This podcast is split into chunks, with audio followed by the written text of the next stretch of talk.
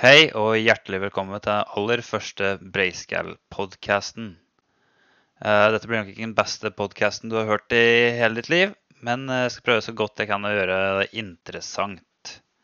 Nå er det jo litt spesielt å starte en podkast midt i sesongen, men jeg tenker at det er bedre sent enn aldri. Og kanskje blir det noen som hører på faste lyttere og ønsker å høre mer av podkasten. I dag så skal jeg prate alene, noe som kan bli litt kjedelig. Men jeg håper at jeg etter hvert får med noen faste på podkasten, og forhåpentligvis noen gjester som både er kjente og ukjente. Det kan være alt fra spillere, trenere, støtteapparat, fans Hvem som helst, egentlig. Jeg tenker at jeg starter øverst i systemet, så da starter vi med Raufoss. Raufoss har tre strake tap nå. og Tapte mot Bryne på mandag. Hele 5-0. Og Håkon Hammer fikk to gule kort og ble utvist. Og med det så ligger Raufoss på en åttendeplass etter 22 spilte kamper med 31 poeng. Raufoss har ikke vunnet nå siden de, siden de slo Mjøndalen på bortebane i starten av august.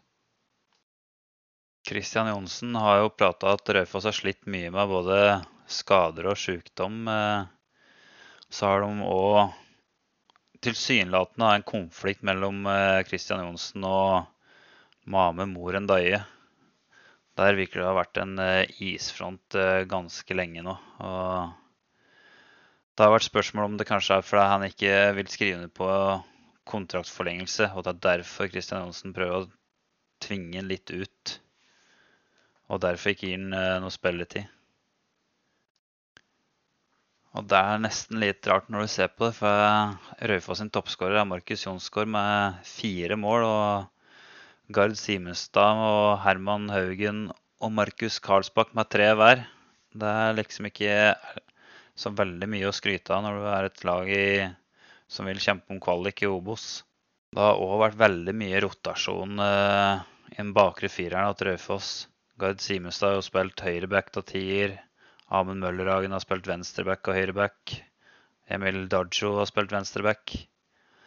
Og det virker som at Kristian Johnsen ikke helt har funnet hvilken bakre firer som er den mest optimale. Men på plussida så har jo Raufoss eh, fått eh, forlenga lisensen og ser ut til å overleve nok en gang. Eh, blir det heller ikke noe lettere at de mista Herman Haugen tilbake til Viking og Markus Aanesland som gikk til Sandnes Ulf. Sjøl om Raufoss ikke skulle klare kvalik, så tror jeg de er fornøyde med å få en OK plassering midt på tabell. Med tanke på alt rundt lisensen og få den i orden. Store spillerutskiftninger og gjennomtrekk som har vært der de siste åra. Og situasjoner rundt noen spillere og Christian Johnsen. Helt til slutt så er det jo skrevet om Christian Johnsen sin kontraktsituasjon i OA. Kontrakten hans går ut nå i høst. Og det blir spennende å se om han forlenger kontrakten sin, eller om han prøver lykken i en klubb med litt større budsjett og kanskje litt større ambisjoner. Da skal vi over til Gjøvik-Lyn. Gjøvik-Lyn slo Kjelsås 1-0 i helga takket være Rocky Lekai sin matchvinnerskåring. Han er nå toppskåreren til Gjøvik-Lyn med seks mål. Kodjo Somesi kom òg inn for Gjøvik-Lyn. Han har gått på utlån fra FK Toten. Han har jo trent en stund med dem, og det er egentlig ikke noe overraskelse at han har gått dit nå i høst. Så blir det spennende å se da, hva klubba blir enige om. Så blir det spennende å se om Kojo melder permanent overgang, eller om han blir i Toten. Det har jo skjedd litt eh, spilleroverganger i Gjøvik-Lyn. og Gjøvik-Lyn har henta Godwill Ambrose fra Vind. En lovende 16-åring. Eh, samtidig så har du mista Elias Munkelin, som eh, begynte å studere i Trondheim og skal spille for Nardo. De har òg mista Arne Ravndal, som har begynt å spille for eh, Sandnes Ulf. De har òg mista Lars Kveseth, som har begynt å spille for Fagerborg. Lars var jo en av de som svarte meg på spørsmåla på Instagram. Her skal jeg skite i podkasten. Er to Gjøvik-legender som møtes i match på Holmlia i kveld. Da regner jeg med at de to legenda er Den ene er han sjøl, og han andre er eh, Kenneth eh, Diallo, som jeg ser har skåret eh, i skrivende stund. Det har òg vært litt internt kaos i Gjøviklyn. Plutselig hadde klubben røde tall.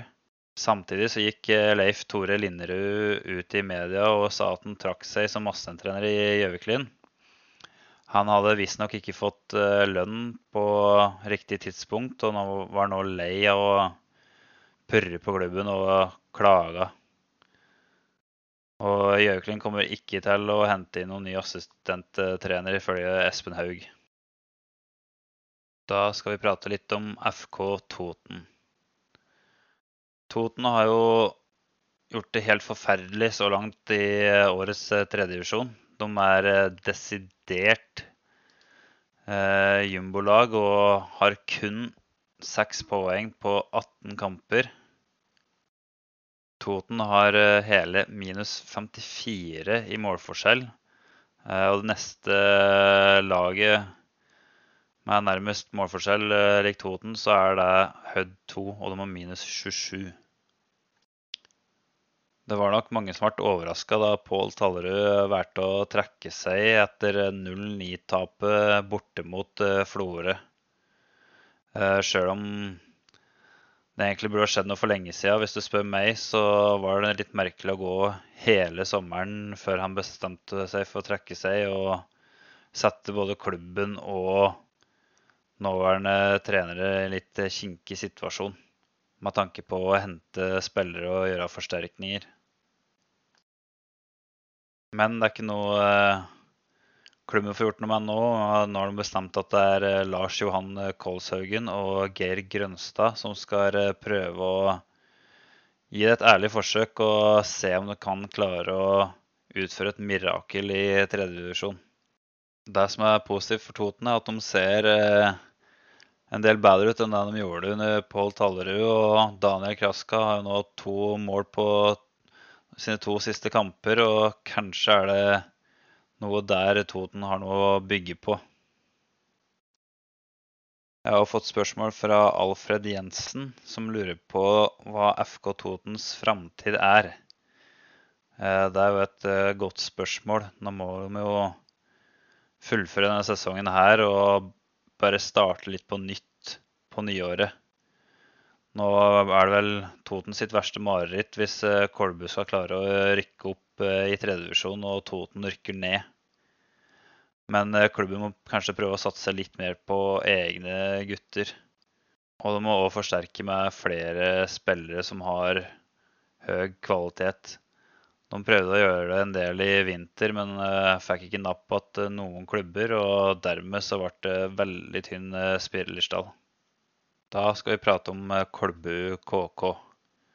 Eh, Kolbu KK slo Elverum 2 på søndag 2-1 takket være straffeskåringa av Sindre Haugli Pedersen og eh, samme mann som skårte et frispark klink oppe i krysset helt på tampen av andre omgang. Og med det så gjorde Sindre at eh, Kolbu lå A-poeng sammen med HamKam. Eh, HamKam hadde en hengekamp på mandag, så de vant eh, hele 6-0 mot Furnes på Briskeby. Kolbu har faktisk hele sju seire på rad og har ikke tapt siden seriepremiere borte mot Gjøviklin.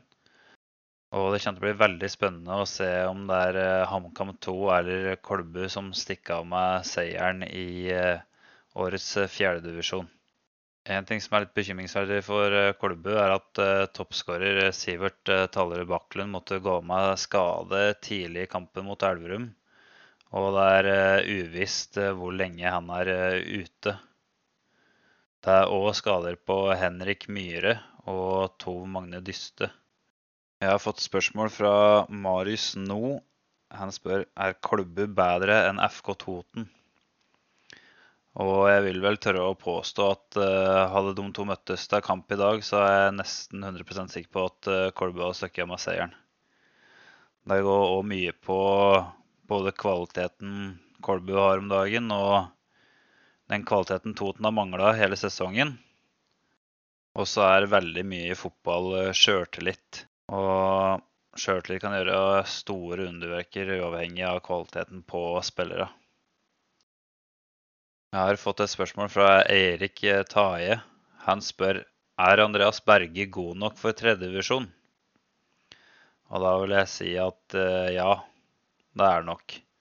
Samtidig så er han kun uh, eh, 16 år og har fått mye spilletid i årets uh, fjerdedivisjon, så forhåpentligvis kan vi se Andreas i tredjedivisjon neste år, og da kan vi konkludere om han er god nok eller ikke. Men det vil jeg tro at han er. Det har òg kommet litt sånn generelt spørsmål fra Linus Eriksen 98. Han spør beste kampen du har sett. Eh, det er nok eh, Liverpool eh, mot Barcelona i Champions League-semifinalen. Der ble det, som alle vet, 4-0 til Liverpool. Og en ganske syk kamp med tanke på at det laget Barcelona faktisk stilte med, og på den tida hadde Messi som var helt sinnssyk.